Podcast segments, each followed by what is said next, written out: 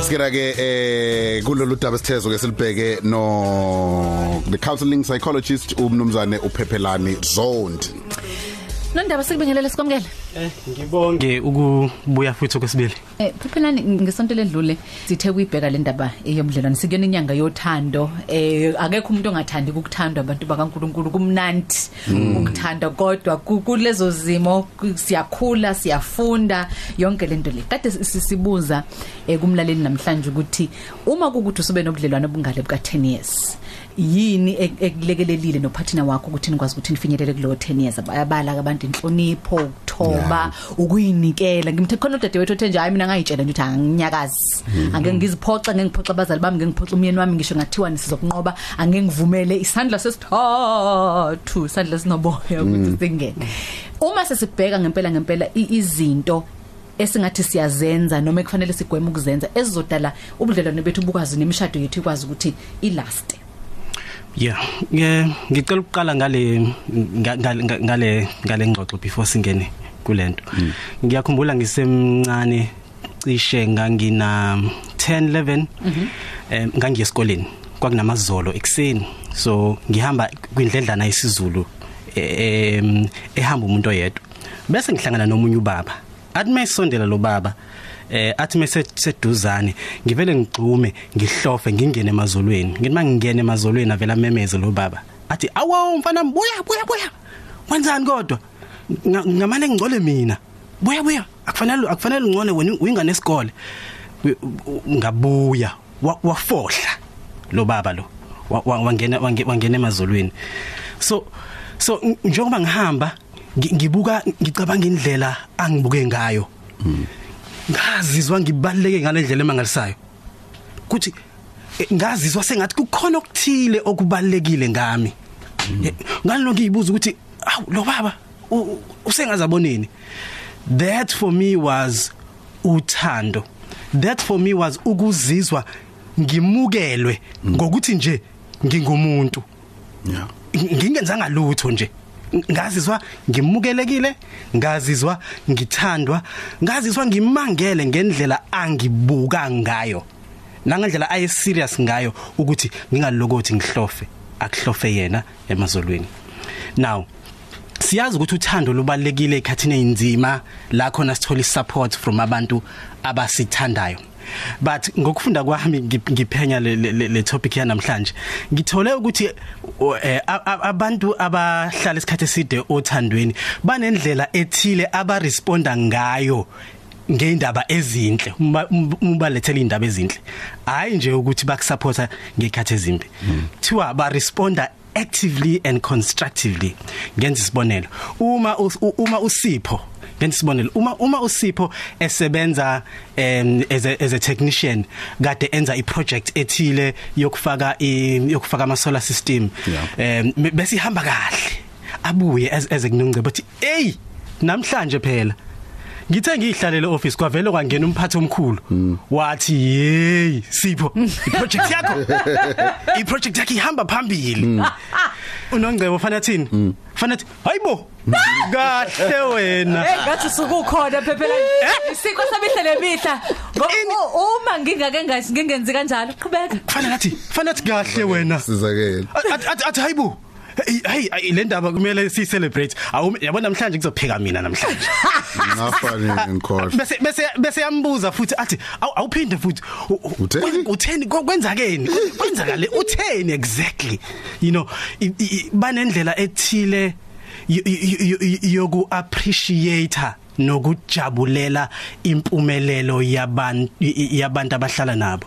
Kunabantu abangakwazi ukwenza lokho. So the point is point number 1 kwazi ukujabulela izinto ezincane noma izinto eh, ezinkulu. Zalokhu upartner wakho akwenzayo. Phephelani Zondi counseling psychologist usebenzela khona la eThekwini e e workshop uyakwazi ukuthi apha abantu abeze- zeluleko indaba ye psychology ke bakithi ayipheleli la kuzona ezothando ihamba ibanga elide kuzo- kuzona zonke ingcenye zempilo yethu. Kodwa ke namhlanje sibheka zona ezothando ngoba sikuyona inyanga yothando. Eh sithi ake sifunde sifundisane sifundiseke futhi. Right. Mayifika ke xoxela umuntu uthe actively and constructively makaphendu mawuphendule. Okusho ukuthi ube ingcenye uyembathe athe lento axoxela yona angathi umuntu afike ejabule uvela uthona aw so nice. Sure. Ungasho ukuthi ungasho ukuthi hawu kwazi kwakuhleke namhlanje siphekeni yeah. Moving right along.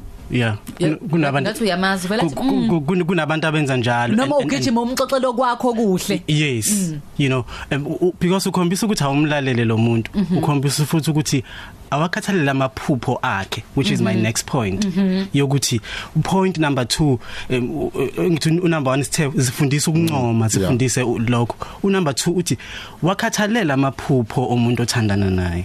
So ngamanye amazwi yiba updated ukuthi iziphi izifiso zakhe iziphi imfuno zakhe i- yini em excitehayo uma engangixoxeli ukuthi uphuphani noma Kumele- mayithi akanamaphupho yena uright ubona mayivuka ekseni hey kushuthi ngaba inkinga lokho but but kumele umbuze umuntu wakho ngo- ngokuthi yini ayi yini ayifisayo yini ayifunayo nawe uzihluphe ngo- ngo- ngokuthi iziphi izinto ezibalulekile empilweni yakhe. So so ukuba updated no- no- nokulandela amaphupho akhe u- wazi ukuthi ukuthi yini ayifunayo.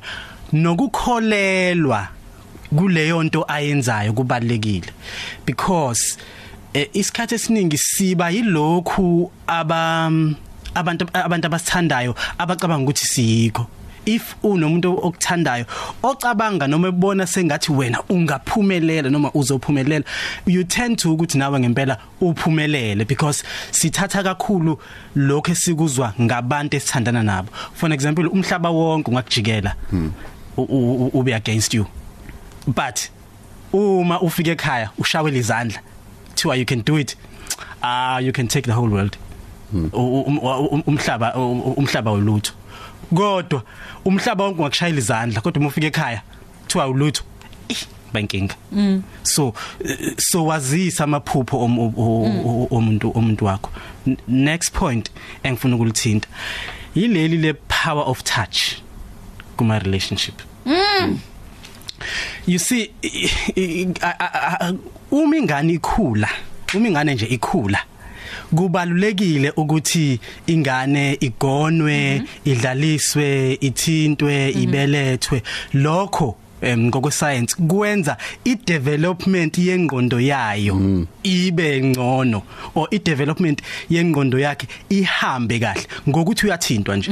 Abantwana abangathintwanga bekhula bakhule be- be- benganakiwe bengathintwanga. Khona lenyoka. Ku- ku- bakhula be- be- be- bena- benama behavioral problems uma sebethi bayakhula because it development yabo yokwengqondo iyakhombisa ukuthi abazange bayitho- ba- bayitholo imfudumalo nokuthintwa. Now uma ngikhuluma ngo- ngo- ngale touch engikhuluma ngayo akusiyo i touch o- o- oyenza kuphela ngoba nakho nibheke ukuya le ocansini uyabo? I- touch ev- eveza nje ukuthi uyam uyam appreciate umuntu.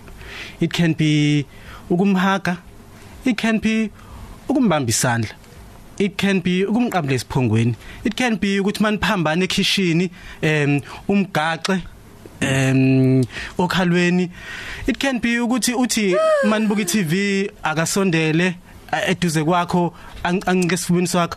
U- uyabona lezo zinto lezi ezikhombisa lokho ekuthiwa iaffection Mana ke mana ke phephelano ke usu- usuhamba ngomunye umzila manje thina sabantu indaba yolokho usosoma Eh, konana konana, konana. phambana nawe ekitchen Phamba ngibamba ukhalo phambi kweingane nangu noma uvakashile ulele sifubeni sami sibuka iTV tini lengane emsakazweni wethu ukhozi? Ng- ngokubona kwami yilokho kuyinkinga kwi- kwi- kwisiko lethu. Iyona inkinga enkulu. You see aba bengisathi ngisazoya kule kule le oyakuyona wena ngcebe. Abantwana uma nishadile kumele kube clear ukuthi niyathandana. Kumele kubonakale ukuthi uma nobaba bayathandana ngiyakhumbula ngikhuluma ngi- ngikhuluma nomunye umngane wami. Um- uthi umngane wami ngendlela ubaba wakhe noma wakhe babethandana ngayo U- u- babeke wa- wayekafika ubaba wabo behlele dining. Abaxoshe bonke athi "Ayi, a- a- phumani safuna ukuthandana la. Phumani. Oh. Hambani hambani hambani. Siba? Ku- kube buhlungu. Athi athi athi, hey hambani. Ah, ah, nani ngekho sithandana nini? Uthola ukuthi ayikho into abazoyenza. Uthi nje ubaba wakhe nje ufuna ukuthi bazohlala bahlale bobabili nje dining bayibukela TV bay bayithintanele eh, eh, nje- nje kamnandi nje. Yebo. so u- ngiya and yes kwi culture yethu akujwayelekile lokho. Kodwa i- i- i- izinto ezibalekile zokuthi u- abantwana fanele bazi ukuthi uma nobaba bathandana. Ngani ngoba ngoba lokho ku- kwakha isithombe sithile kumntwana sokuthi uthando lwenziwa kanjani uthando luvezwa kanjani Lukhandwa kanjani? kube lula kuyena umntwana uma eku relationship ukwazi ukuthi le relationship inalo uthando le ayinalo uthando ngoba uyazi ukuthi yini uthando Wow. Okay, eh belisekhona linye belisekhona linye iphosi. the last point mhlambe b- b- before sivale yilena yokuthi abantu abazi ukuthi angeke phela kuhlale kumnandi. Yes. angeke kuhlale kumnandi emshadweni. Two or or ku- kubudlelwano obude. Two a- abantu ababe nama expectations are realistic ngokuthi uma sebehleli isikhathi eside uthando luyaphola mhlambe ke ku- ku- ku- akumnandi ukusho lezi zinto. Uthando luyaphola. Actually wesipho uyakhumbula ngesikhathi uthenga imoto yakho le le enhle? Uyakhumbula ukuthi wawujabule kanjani? Uma uvuka ekseni ungena emotweni yakho ujabula nge- same level yokujabula? Ngeke ngijube ngothenga isikho nje sikhona endlini. Kodwa manje akusekho lokho. manje akusekho lokho. Sekuyimoto nje. Ku- kuyo yonke ke into kuyo yonke ke into. Ngithi mina kuyo yonke into.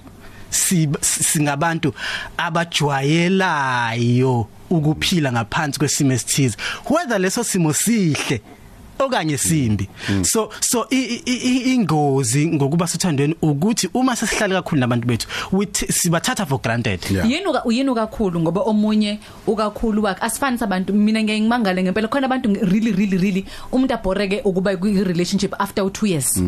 Ngoba kuku angithi kumnandi kuya- kuyavutha ngesikhathi ku- kunyaka wokuqala nisa date kusemnandi kusemnandi. Ziqale zizinza izinto. Nawe udlule ezimweni ezithile la udinga kweseke khona ubonda remember le ukweseka sengathi kuyashoda ngakuyona. Ubuye ujwayele kubuye kuthini? Senjwayela nama patterns eni athi umuntu "Mm, mm, Ma for me khona abantu abaphilele leyo high yokungena Yeah. othandweni. Mayisi idamba leyo high baleke yani umuntu useyongena ufuna leyo high. Baba ngathi ngathi kubona kufanele bube isidakamizwa uthando. Ukuhlala kakhulu kwami nokuhlala kakhulu kwasipho akufani. Mhlawumbe kimina lungaze lidambe after 10 years. Mhlawumbe lasipho lidamba after 6 months. yeah i- i- i- ingakho ingakho a- a- abantu fanele ba understand lo mehluko phakathi kwalokho engikubiza nge passionate love ne companion love. Ah. lena es- e- e- o- o- okhuluma ngayo lena e- e- engathi yi drug yokufuna ukuhlala unomuntu nani nani nani. Yi passionate love. I passionate love iyaphela iyabohla. Bese kusala i companionate love. Lolu thando lu- lu- olumnandi ukuthi nje sindawonye sithe sihlale isikhathi eside we share izinto ezispecial we share abantwana we share ama experiences nama memories amaningi sesidlule kuwona. Yeshaya likhale. Nandaba siyabonga si sophinde sikhulume. Ida isidlo sasekuseni uphezu kwezingxoxo ezakhaya uvuka mzansi ukhosi FM Good morning.